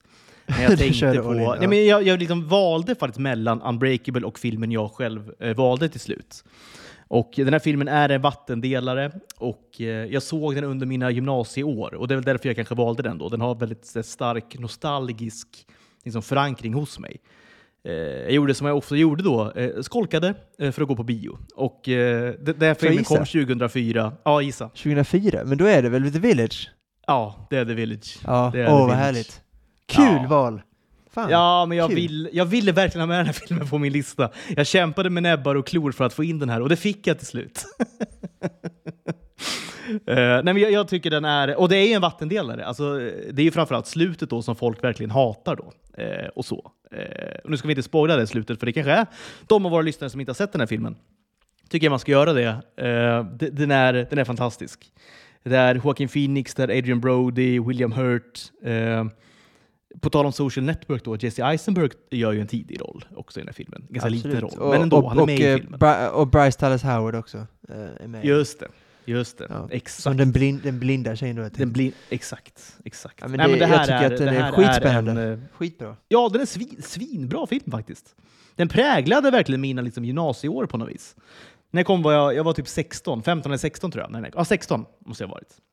Och det, det, ja, men det är en sån film som så här, det, det är väldigt formbara år då. Och liksom det man gör, det man ser, det man liksom tar till sig. Eh, det, det betyder ju väldigt mycket för en på något vis under de åren. Och det här är en sån film som, som på, något vis, på något vis betyder mycket för mig. Eh, och därför var den till slut eh, liksom given på min lista. Nej, jag tycker det var skitkul. Jag, hade, jag tycker att Science Split, eh, jag tycker många av hans filmer är bättre, men jag tycker det är kanske den mest spännande filmen att diskutera med just honom. Eftersom att det är så mycket en vattendelare. Och att, eh, också filmen, vi, återigen vad vi ser idag, den är annorlunda, den sticker ut. Och eh, det är också bättre än ja, Knock at the Cabin och Old, de två senaste filmerna han gjorde som Ja, inte det är är dåliga. verkligen. De är inte Ja. dåliga, men de är heller inte speciellt bra. Det är liksom verkligen i, i mitten. Och då är det hellre, det är roligare att vara då The Village. Och att. Ja, men jag tycker högt det. och Och det här är min då, du var inne på liksom stolpe, stolpe in. Det här är också min liksom stolpe in-film lite grann. ja, ja, ja, jag köper. Men jag, jag, tycker det är en, jag tycker det är en solklar stolpe in ändå, den här filmen. Nu kom vi in på tiorna från mig. Oj, oj, oj. Nu är det ju spännande alltså. Och första valet är eh, tråkigt, och det är Jaws. Ja. Ehm, som jag också kanske, för mig är det mer en thriller än en skräckfilm. Ehm, alltså det, det är lite som vi pratade om Exorcisten, den är bara alltså, otroligt välgjord. Alltså fruktansvärt, fruktansvärt eh, bra filmskapande. Ehm, allt från musiken till hur han döljer hajen, Eh, men det är bara helt magiskt filmskapande. Inzoomningen på Roy Scheider när han inser barn. Alltså det är bara, det är, perfe det är perfektion bara. Det är Mm. verkligen bara thriller-perfektion. Och eh, därför måste den vara med på en lista. Så enkelt är det. Precis som Exorcist, en av de bästa filmerna som någonsin gjorts. Och anledningen till att den inte är nummer ett är min lilla subjektiva då, att jag vill inte ha den som nummer ett. Det är Ah, så fattar. enkelt är det. Ja. Ja, nej men, eh, men jag köper det såklart rakt av. Och den är inte med på min lista, men den är ju, just för att den är liksom, nej som jag var inne på i början, den är liksom kanon lite grann. Alltså, eh, jag liksom valde bort de här, eh, men det är bra att du nämner dem då, att du har gjort en annan typ av lista, för då får vi ändå med liksom hela spektrat lite grann. Det tycker jag är Jag tar den för laget. Eh, Ja, men lite grann. För Jaws är ju, det är ju, det är ju förmodligen världens bästa. För, för mig är det också mer en thriller. Det är det, Ja, precis. Eh, och de, den är ju på, liksom, hade jag haft en objektivt viktad lista så hade den ju varit med på den. Men i och med att min lista är så fruktansvärt då, subjektiv så, så valde jag då att, att välja bort eh, Jaws. Det förstår jag. Men eh, köper det såklart rakt av. Ehm, min nästa film är återigen 90-tal. The Talented Mr Ripley. Mm. Det har ju, just det. Eh, jag tycker den ändå förtjänar en plats. Det är 50-talet, eh, det är liksom Matt Damon, det är Jude Law. Återigen Gwyneth Paltrow, en av mina gemensamma nämnare vi kommer komma in på. Eh, och det är Kate Blanchett, alltså Philip Seymour Hoffman. Alltså det, är, det, är en, det är en fantastisk cast. Är det. Och en fantastisk film tycker jag. Eh, som som liksom, eh, börjar liksom ganska bra och oskyldigt och sen tar då en, en väldigt mörk vändning helt enkelt, som många thrillers gör. Eh, och det är väl, det är väl en av liksom, thrillers, liksom, eh, vad ska man säga, alltså, eh, signum på något vis. Den här, eh, det måste finnas den här mörket twisten. hörnen. Ja, exakt. Det måste finnas, komma en mörk twist. Liksom. Det tycker jag är liksom signif- signifikativt ändå för en thrillerfilm. Eh, och den här filmen är ju, ett, tycker jag, ett väldigt bra exempel på en sån twist. Liksom. Ja, jag håller med. Eh, otroliga charmiga, för mig är det väldigt, väldigt charmiga insatser av framförallt Matt Damon och Jude Law. Eh, alltså vilka genombrott det var för dem. Och även Gwyneth Paltrow, detta var ju innan, eh, eller om det var precis, eh, fan om det var 99 var det kanske, det var samma år som hon gjorde Shakespeare in Love då jag tänkte. Men Gwyneth Paltrow, alltså det var verkligen att de, de tre slog liksom igenom då. Ja. Eh, Matt Damon hade gjort Good Will Hunting och Saving Private Ryan, men alltså ändå, det var tidigt i hans karriär. Så det var också härligt att se begynnelsen av deras fina karriärer. Och eh, framförallt Jude Law, vilken insats han gör i den filmen. Jag tror, och Philip Seymour Hoffman är alltid bra, eh, som du säger. Ja, men jättebra val. Den var inte så nära min lista, men absolut sevärd. Framförallt en gång. Den är perfekt, Ja, gud, om man ja. bara ska se en film en gång i sitt liv så är det kanske den. ja, absolut. Nu eh, kommer vi till filmer som du har nämnt. Eh, tre rad som du har pratat om. Fyra då, och nu kommer lite Jake Gyllenhaal-maraton då. Fyra är Prisoners. Åh, du har den så högt på din lista alltså? Det har jag är det verkligen. sant? Fy vad roligt. En- det blir jag glad. En klock... Ja, en klockren tia för mig. Den är, eh, som du sa, Hugh Jackman och Jake Gyllenhaal är magiska i eh, deras roller. Framförallt Hugh Jackman. Framförallt eftersom att han var så här X-Men, så här Greatest Showman. Så att han får göra sådana här riktigt bra roller som han fick göra 2012 och 13 i Les Misérables och eh, Prisoners. Är det. Jätte, jag är jätteglad för det, att han fick göra det. För att visa hur bra han är. Ehm, alltså helt, alltså Denis Villeneuves regi också alltså, och jättebra, han sätter verkligen tonen, och sen deras insatser. Och så spännande såklart. Ehm, Ja, oh ja. nej, den, den är också underskattad, lite för lite folk pratar om den. eh, Nej, men jag, jag, jag kan tänka mig att det är väldigt, väldigt många som har missat den här filmen helt. Det alltså. tror jag också. Det tror jag också. Vilket, är- Denis Villeneuve är en av de största regissörerna som jobbar idag, så att jag tycker verkligen man ska kolla på den här filmen. För nu håller han mest på med science Tror fiction. du det finns på Netflix? Det tror jag också att den gör. Eh, men han är ju mest känd idag för Arrival, Blade Runner och eh, också såklart. Arrival är ju det är en, också mina, en av mina favoritfilmer faktiskt. Jag tycker den är helt otrolig. Är den. Ja, den är magisk. Och sen gjorde han då efter Arrival, Blade Runner och, eh, och Dune, så att han är ju mer i science fiction-stuket idag. Därför är det extra kul att se honom då göra den här filmen, Prisoners, eftersom att den Men han är, han är förmodligen liksom Hollywoods eh, kanske hetaste liksom, filmskapare. Absolut, absolut. Jag säger inte emot dig. Det är han eh, definitivt topp tre i alla fall. Ehm, så att eh, jag tycker verkligen man ska se Prisoners, för som du säger, jag tror många har missat den. Ehm, så att, ja men klock, klockren, ja men klockren.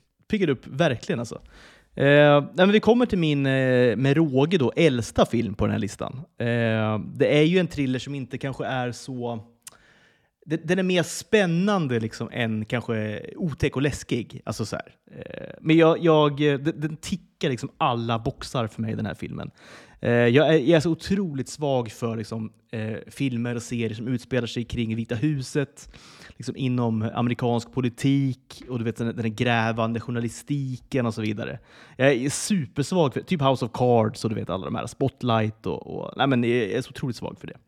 Och det är en film som kom 76, så det är en gammal film. Den är med Dustin Hoffman, det är Robert Redford.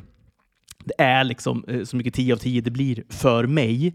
Så på min liksom mega subjektiva lista så blir det eh, tydligt att All the President's Men ska in på den här listan. Mm. Ja, men det är, det är Watergate och du vet, det det, alltså den här filmen kom 76. Watergate tror jag briserade 72. Så att det är en, en tidig film då, eh, baserad på en bok då såklart, eh, av de här eh, journalisterna som också medverkar då, eller som filmen är baserad på.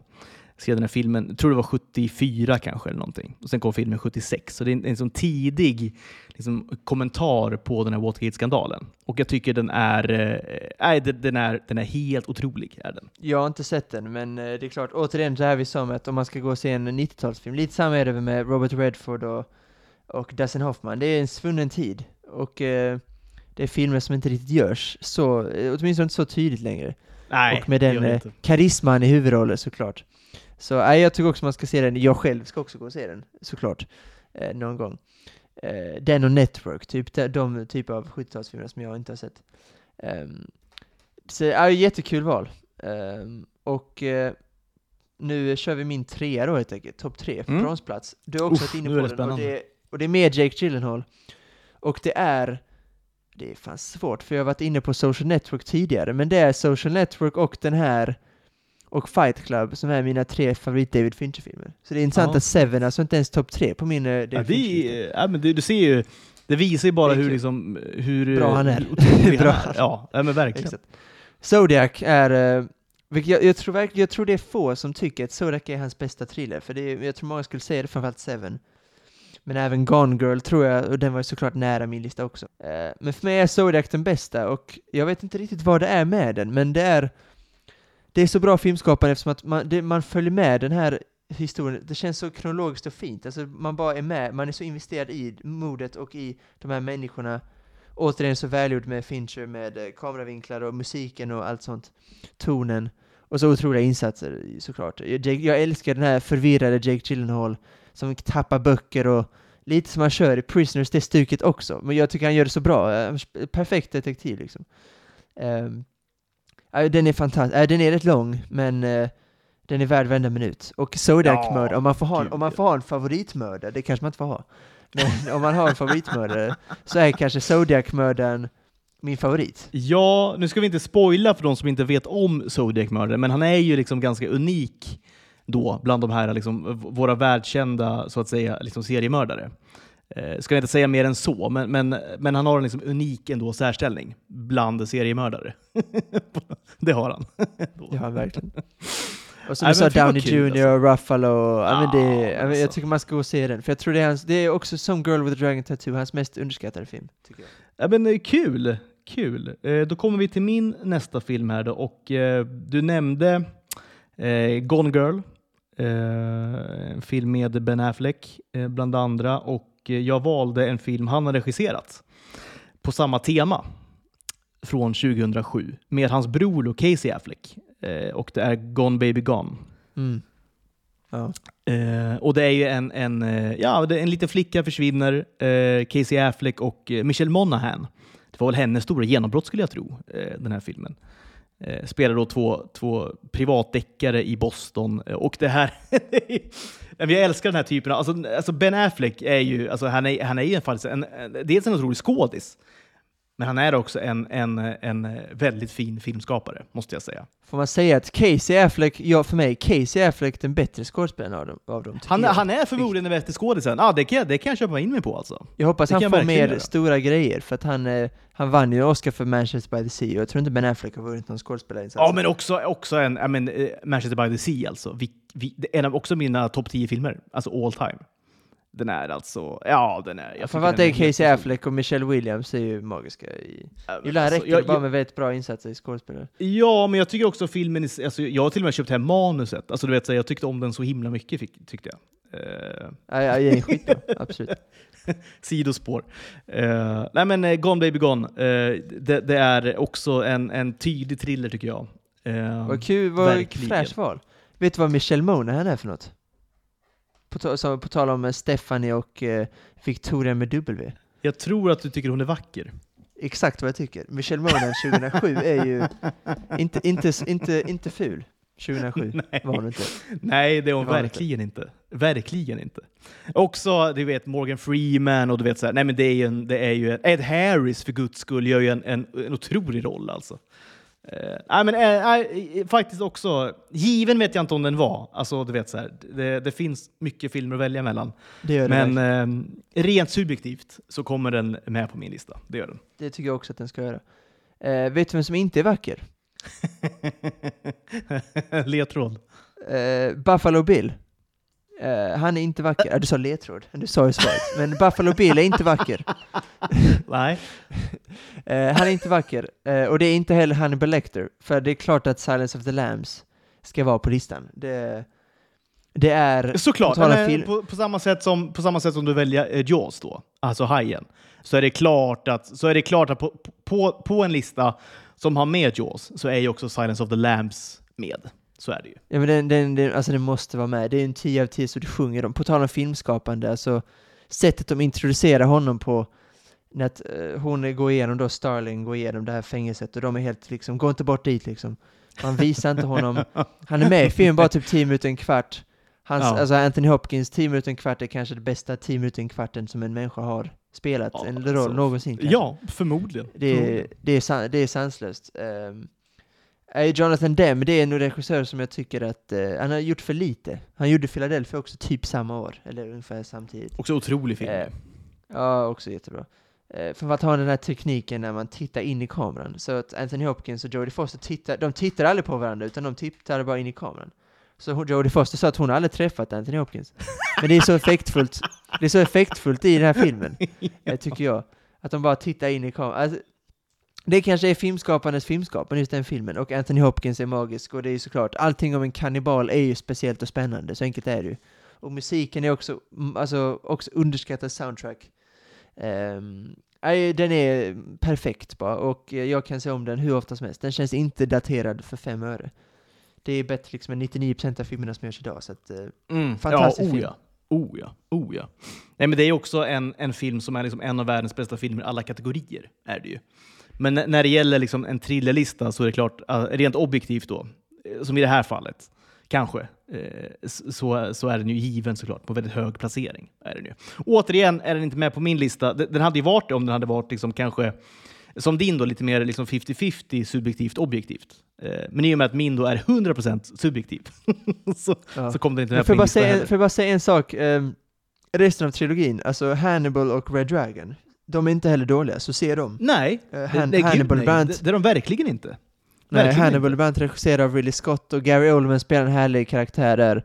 Eh, ful, också ful såklart, Gary Oldman där. Alltså, hans, hans kropp är helt, eh, jag, vet inte vad, jag vet inte vad man ska kalla honom, men han är ju något eh, märklig uppsyn såklart. Men eh, Ja, det får man säga. Eh, framförallt har han en rolig dialekt, alltså bara Gary Oldmans karaktär, det är värt att se filmen liksom. Cordell! Cordell!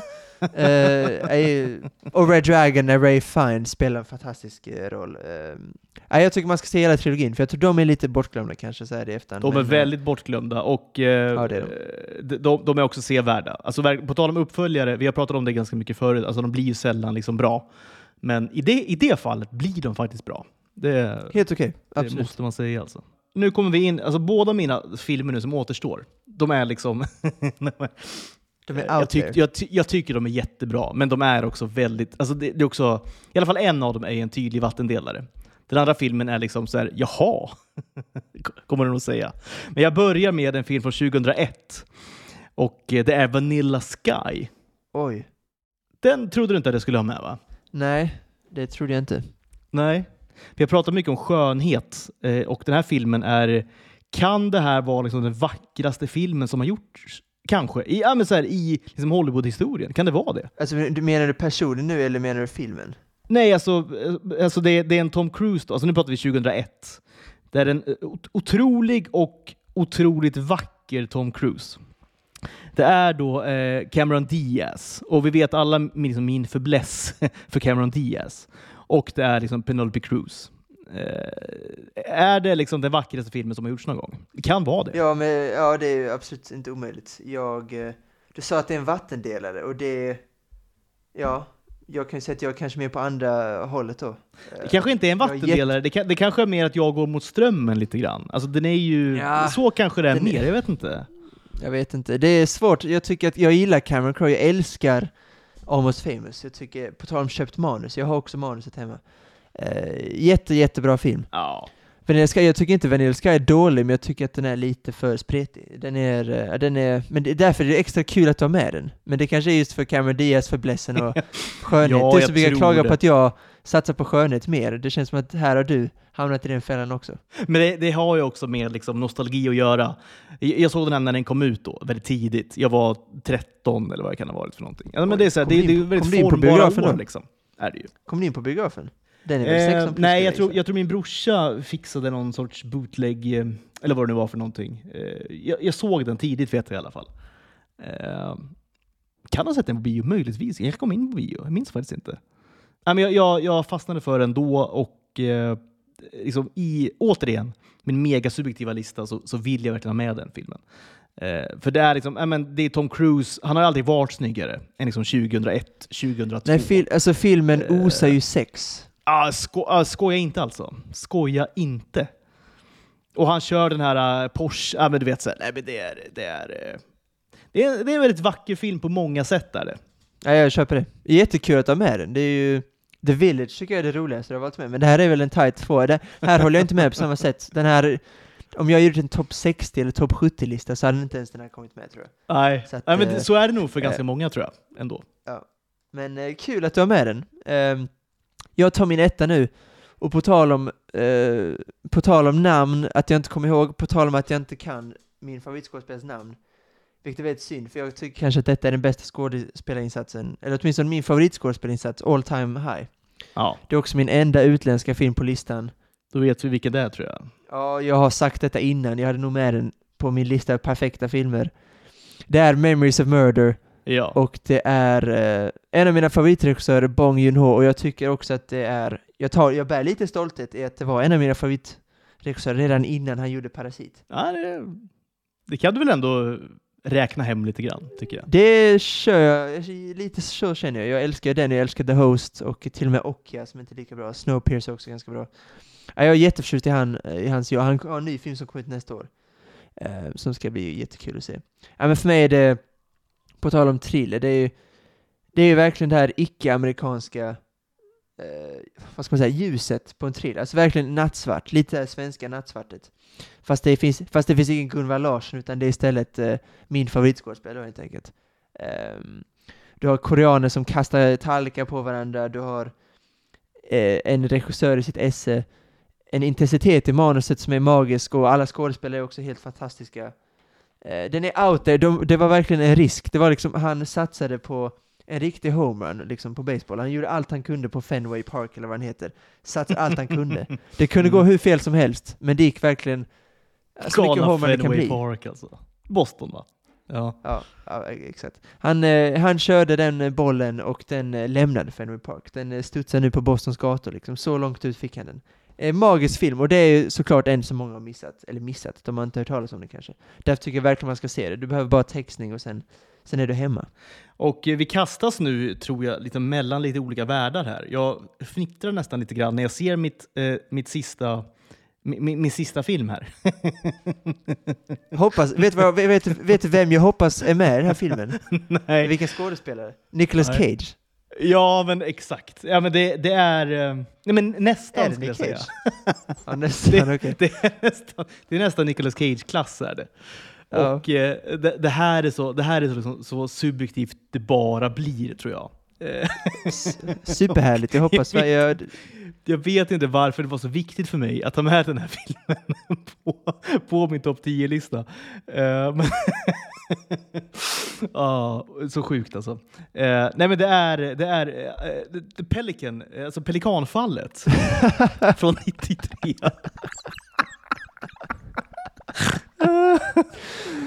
Oj, att du har, Ah. slag, du har slagits för den. ja, men det är, jag har slagit så hårt för den här och eh, jag, jag, ville så här, jag ville verkligen understryka för alla som lyssnar på det här, och för dig då Malte, hur, hur, hur sjukt subjektiv min lista är. Och då förstår du Ja. ju nu hur subjektiv den är. Du Eh, och inte vilka, vilka, vilka, vilka liksom ruskiga darlings jag har liksom mördat liksom kallblodigt. För att få kul att- in ja, en du- film som Pelikanfallet Ja, i min topp 10-lista. det är ju... eh, Ja. Du, du hatar inte John Grisham och 90-talet. Det är två saker du inte hatar. Det är så sjukt alltså. Det är en av mina gemensamma nämnare vi ska in på. Men det är då baserat, John Grisham och... eh, baserat liksom- på John Grisham och återigen liksom, min farsas liksom, favorit, eh, favoritförfattare. det är också sjukt. Åh, han har säkert 25 böcker med John Grisham. Ja, Det är så klart, himla det är klart han alltså. har. Eh, ja, men det är så ju- roligt. Det är alltså. ju, det är ju Ja. eh, ja, jag har sett den här faktiskt. Ehm, jag älskar Denzel Washington och jag ville ju så, jag ville ju då se, men lite som du sa, är det också eh, såklart en uh, juridikstudent liksom. Det, är- det- är en röd tråd du har gått igenom hela listan med. Ja, men lite så. kan- Lite ja. så. Exakt. Eh, jag började med Time to kill då, också eh, juridik, liksom, inriktad film. Avslutar med Pelikanfallet. Eh, nej men det Finns är ändå det, 93. finns, det- alltså, finns, det någon, finns det något yrke som Hollywood romantiserar mer än just juridik? Alltså juridik. nej, nej, det, Det jag är, bara de här, det är bara de här snygga människorna som liksom eh, drar en fantastisk monolog och vinner, vinner ett helt fall. Men det är ingenting om alla åren där de har läst, alltså läst 24-7, suttit hemma, inte haft något socialt liv överhuvudtaget. Det har de helt hoppat över och allt liksom tråkiga. Men just det här, alltså ljuset när de... Det Tom Cruise, sexiga, I want the truth. såklart. Det sexiga. Det är Exakt. det de lägger fokus på. You want the truth? You can't handle the truth. Det är därför alla vill plugga, det är därför alla vill plugga juridik, för att de har sett Tom Cruise liksom köra eh, Ja, ja. i eh, A Few Good Men. Men, Men de har sen har ingen tänkt aning på att- om liksom, att det, det är sju års liksom, totalt själadödande studier och sen då några års arbete som liksom, notarie någonstans. Typ stämpla papper i Ja men, princip. 10, fe- ti- ti- ja, men 10, ja, exakt, 10-15 år med bara läsning och skittråkigt jobb helt enkelt. Eh, Du måste, ja. Det, är, ju- det finns ingen som romantiserar liksom juridiken mer än vad Hollywood gör. Så är det. Eller du. Alltså. Du och John Grisham, Nej, ni älskar ju Det, det. det, alltså, det skulle vi också kunna ha en topp 10 liksom, eh, advokatfilmer. Där hade vi ju, den, hade, den hade vi kommit på snabbt tror jag. Framförallt du, Eh, ska jag ju säga. Ja, jag är så fantastiskt svag för det alltså. Men eh, jag tänkte, ska vi komma in då på våra gemensamma nämnare lite grann? Eller? För jag vet att du Ja. har ju till exempel också, typ Jake Gyllenhaal har du väl i ett par Ja, filmer va? Ja, men framförallt David Fincher ska vi säga, det, var, det är inte ingen chock, men han har ju tre av mina tio filmer då eh, med. Och jag ska säga, Gone Girl var inte långt ifrån listan heller. Eh, så att, alltså, det är klart att han är liksom i Hollywood. Eh, och ehm, jag ja, Jake Gyllenhaal är väl lite grann ehm, det här, just det här, eh, jag gillar den här rollen han spelar, just så här lite halvslarvig, så här trött, han är uppe sent, han är på delis och försöker hitta saker och han tappar böcker och han springer, alltså den där för, lite förvirrad, disträ killen. Uh, han, jag tycker det är en jättebra skådespelare. Och det, det är ingen, alltså det är liksom ingen hot, det är ingen hot opinion, utan det, är ju, det tycker de flesta. Men han kanske är mer fortfarande såhär Jake Gyllenhaal, den där snygga killen, men han är också en fantastisk skådespelare. Um, sen är det inte så mycket mer, alltså det enda som, du hade ju, alltså, The Pelican Brief, ja, det, det är otroligt. Du liksom hopp, du har hoppat Jaws, du har hoppat Silence of the Lambs, Ja, visst. du sa såhär, Gone Girl, ja, det var precis utanför, precis utanför. Så, så Pelican Brief, kan vi inte säga att Pelican det var din nummer ett? Kan vi inte säga det? Det är så mycket roligare, om det var liksom etta på din lista. Ja, det är Pelican Ja, Brief är nummer ett det. helt enkelt. Ja, vi säger så. Ja, men den, är, den är typ det också. Jag tycker den är... Ja, men återigen, jag, är så fruktansvärt svag alltså för 90-talsfilmer. Det- Jag kommer inte ifrån det alltså. Nej, men jag har några tydliga eh, liksom, gemensamma nämnare och du har nämnt då en av dem. Det är att det liksom John Grisham. jag har med två filmer på din topp 10 som är baserade på John Grisham-filmer. Du tog inte ens med the Lambs? Nej, jag vet. Det är så, så objektiv är min lista. Eh, jag har också två filmer med Kevin Spacey. Det är två filmer med Morgan Freeman. Eh, det är två filmer från 2007, två från 96. Men den största gemensamma nämnaren är ju ehm, att alla är Hollywoodfilmer. det, är ju, Ja, det, det, jag vet inte om det är tråkigt, men det visar väl liksom vilken sucker jag är liksom för, för Hollywood helt enkelt. Och, eh, alltså Hollywoodproduktioner. Eh, de få filmerna jag hade som bubblare som var liksom ut, utländska filmer var, var ju, kom ju inte med helt enkelt. De, de fick stryka med för The Pelican Brief. Ja, det fick Så de göra. är det. Fick de Ja, göra. det fick de göra. Och det kanske de ska göra, det vad vet jag. Ja, på min lista ska de det i alla fall. Ja, det är precis vad de ska, och jag tycker det är superfräscht såklart. Eh, Min enda så här fräscha var väl kanske Sweeney Todd. Eh, egentligen. Ja, men det Annars var lite oväntat ändå tycker jag. Ja. Lite oväntad. Eh, om, om John Grisham, om du är en sucker för John Grisham så är du inte lika mycket en sucker för musikaler kanske. Så känns det i alla fall. Nej, det, är, det, det har du rätt i. Det har du absolut rätt i. Eh, har lite svårt för det, Precis. det har jag. Du ser, du ser inte om Sweeney Todd en gång om året, det gör du inte. Nej, och inte Les Misérables heller, eller de här eh, liksom La La Land och så vidare. Nej, det ser, jag- det ser jag absolut inte om. Eh, Du, du jag har ser sett dem en gång och det, det får nog räcka gången. tror jag. ja, visst. ja, ja. ja, ja. Så är det. Så Får jag, gissa att, får jag gissa att The Negotiator med också Kevin Spacey och Samuel Jackson, den var närmare topp 10 än vad Silence of the Lambs var till exempel.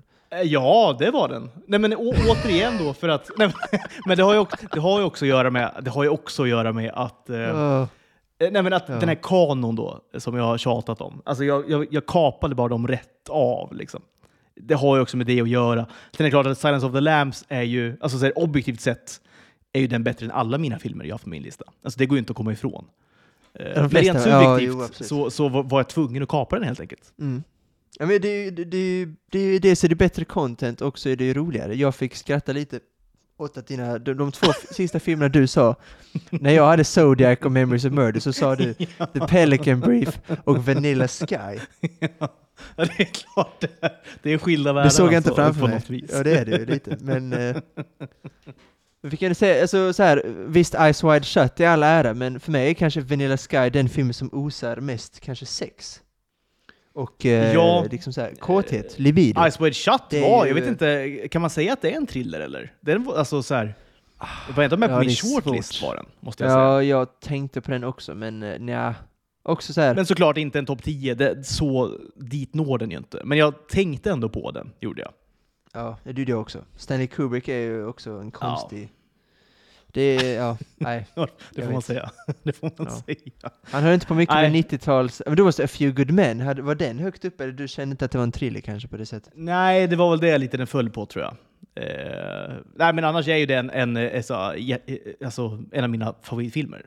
Förmodligen. Ja, såklart det. Det är ju... Ja, såklart. Den, jag förstår den det och. Pelican Brief. Den och Pelican Brief. ja, ja, verkligen alltså. Ja. Ja, men rolig lista, återigen, alltså det, det, det är inte lika lätt som att sätta upp en tio komedier eller tio romantiska filmer, utan det, det fick man tänka mycket. Framförallt på vad som ens är en thriller. Alltså Ja, så här rangordna så, ja men att rangordna det, det är en sak, men eh, Ja, men just så här, att, är eh, ens, skulle, skulle du säga att ens Pelican Brief är en thriller? Ja, det men är det väl liksom jag- i sin, ja, i, jag sin säga. alltså, i grundvalen är det väl det, men Framförallt just 90-talet, de gjorde allt till en thriller. Alltså det var ju, med, med musiken och med pacingen, de, de, de gjorde allt för att det skulle bli spänning. Så var det ju. Det är det The Firm Ja, gör. Du vet det här pianoriffet som alltid de, som de körde liksom varje, var femte minut. De körde en esta, de körde en etableringsbild på något, eh, på någon eh, firma och sen kör de den här pianoriffet. Det är ju 90-tals thrillers i ett liksom nötskal. Ja, gud. Och där är ju Pelican Brief och där är Negotiator, där är The Firm, som säkert inte heller var långt ifrån på din lista. Nej, det var, det var Eh, nosade. Det var nosade. Det är klart, det är klart den Det var. var den. Eh, det så var att, nosade. eh, ja. ja, fint alltså. Ja, men som sagt, skitkul lista. Den här eh, killen då, alltså en jättebra idé. Att det är just thrillers. Det, finns, det en annan, finns det en annan genre som man skulle kunna känna är lika svår att så pricka? Jag tror inte det. Nej, alltså, pff. nej, det tror jag inte. Alltså, eh, svår, alltså, så här, att välja film, det, det tror jag kan vara liksom, lika svårt. Eller till och med kanske svårare. Men i och med att så här, eh, den här, liksom, det här momentet med att vad är en thriller? Liksom, Mm. Det gör ju att, Ja, att ja, det är det jag blir skit, skitsvårt. Alltså. Precis. Ja men verkligen, 100 procent. Jag, jag tror ingen annan genre är lika liksom, svårdefinierad som thrillergenren. Jag tror verkligen inte det. Därför har en extra kul lista att göra. Och din var ju, din lista var ju jättespännande. Jag var mer intresserad av din lista än min egen. Men jag tycker ändå det var bra att vi kompletterade varandra. Vi fick ändå med de här. Alltså, det var vi. vi fick med kanon, återigen säger jag nu. Tjat. Tjat alltså. Men eh, återigen, vi fick med det på din lista. Vi hade ju knappt med några, vi hade ju Seven båda, vi hade, du hade inte ens Prisoners med, eller hade du det? Nej, det, nej, det var liksom, jag Nej, ville det- ha med den, men liksom Pelican Brief Pel- liksom. Pelican Brief gick före, ja exakt. gick före. Ja, absolut. Nej men Zodiac Eh, hade vi båda med va? Zodiac hade vi. Eh, och det var väl... Eh, jag var nära på Unbreakable men valde The Village istället. Eh, Fargo hade vi båda med, sa vi det eller? Ja, det hade vi. Ja. Ja. Men också, det, är kul, det är också kul att vi inte hade samma med, för det hade blivit skit. Det kollade vi inte ens innan, utan vi hade verkligen, eh, det kunde blivit så, vi hade tio likadana, det hade varit skittråkigt. Men, eh, li, little did I know. Ja, det, det väntade inte Vanilla Sky och Pelican Brief. Det trodde du inte när du vaknade i morse och liksom, idag ska jag banda topp 10 thrillers. att de skulle dyka upp. Jag hade kunnat gissa hundra gånger, jag tror inte jag kommit på Brief. Jag tror inte det. Jag, jag, jag, jag, Nej, f- förmodligen alltså. Förmodligen. jag tror jag gav den typ en sexa. Pelican Brief, Ja, jag tror det. är det sant? Ja, åh. Är den inte bättre än så tycker du alltså? Nej, det, för dig är det en solklar tia såklart. Ja, men i, ja, åt, alltså, åtta är det ju i alla fall. Alltså objektivt sett, är det inte en åtta i alla fall? Ja, jag vet inte. Jag får kanske se om den, det, det lär jag inte göra, men eh, så, sjua Det kommer du aldrig göra såklart. Nej, det kommer jag inte göra. Det Nej. kommer inte Du kommer, göra. aldrig, du kommer nog aldrig se Pelican Brief mer i ditt liv förmodligen. Eh, nej, och jag kommer heller aldrig se om The Firm, jag kommer heller aldrig se om The Negotiator. Däremot kommer jag se A Time To Kill för första gången. Och Heat. Ja, det, åh, det, blir ju, det blir spännande. Det tycker jag blir Det kul blir faktiskt. Det blir jättespännande. Superkul. Två och en halv timme med Samuel Jackson och Matthew McConaughey. Ah, men alltså, vilken rulle det är. Och det är säkert många av våra lyssnare som har missat den filmen också. Eh, lite over, overlooked, eh, skulle jag säga. Ja, det kan jag gissa. Jag vet ju som sagt inte, men det blir, det blir skitkul att se på den. Samuel Jackson är alltid underhållande att kolla på. Nu knackar det på min dörr här. Jag tror det är min lilla son. Det börjar bli läggdags. Eh, vi får väl helt enkelt göra så att vi skulle prata lite remakes idag. Vi skjuter det till eh, lördagens avsnitt. Eller när det nu blir. Lördag eller söndag bandar vi igen. Det blev lite långt nu, den här listan, som det, som det ofta blir i Du, du var taggad. Du var taggad. Jag var Det är- mega det- det är taggad, kul. jag, liksom, Ja. jag mådde bra, hade studs i dojan. eh, Och det hade du också ju. Det hade jag. Så vi, vi, vi eh, får, får väl avsluta på topp helt enkelt. Vi tackar så mycket till dig som hade den här listan. Eh, skickade in den till oss. Eh, vad du nu heter, du vet vem du är och vi vet också vem du är. Vi vet bara inte vad du heter, tyvärr. Eh, men fortsätt, fortsätt gärna med liksom, tips på vad vi ska prata om. Vi finns på klotterplanket på tuttoblutto.se. Vi finns också på Twitter. Och eh, följ gärna den här människan som vi har retweetat nu. Jag vet inte vad han heter heller nu, det har jag glömt. Men eh, han ska laga dina rätter i kokboken eh, Mat en studentsaga. Och eh, vi vill gärna se fler exempel också på människor som lagar de här eh, fruktansvärda maträtterna. Ja, ibland till mig själv. Jag ska äta Ma- Malte di Mare om någon timme här ska jag sätta på. Ja, då ska Sätta på pastavattnet. Ja, men det blir spännande då att se om eh, liksom, den bilden jag kommer få till mig nu när du lagar den här maträtten eh, liksom, överensstämmer med bilden jag har i mitt huvud. Faktiskt. Det blir ju spännande. Det blir kul för dig såklart. Ehm, Det blir kul. Själv ska jag göra en, en liksom fem plus quesadilla med en, en ruggig guacamole. Eh, och själv ska jag göra en 5 plus Malte di Mare. Det blir toppen alltså. Shit, shit vilken Är det någon som gör en fem plus malte di mare så är det ju såklart Så är det jag. du. Ja. Det är det. Ingen annan kan knäppa Inte ens Katarina König, hon har inte en chans. Nej, i det här fallet får du nog ses, se sig slagen. Eh, faktiskt. Det Det som, mycket, som mycket annat i köket så får hon se sig besegrad av mig. Eh, tack så mycket för att ni har lyssnat. Tusen tack. Eh, gör, va, va- varför inte? Laga någonting av... Det, finns på Twitter alla tio recept som jag gav då till honom, eller skrev till honom. Testa att göra någonting. Det är, eh, ni kommer aldrig glömma det. Det är en smaksensation. Alla tio är smaksensationer. Det är Ja, smaker som på- inte kommer lämna er. På gott och ont, får vi ändå säga. Vi säger så. Så hörs vi helt enkelt om några dagar igen. Ciao allihopa. Så gör vi. Ciao ciao.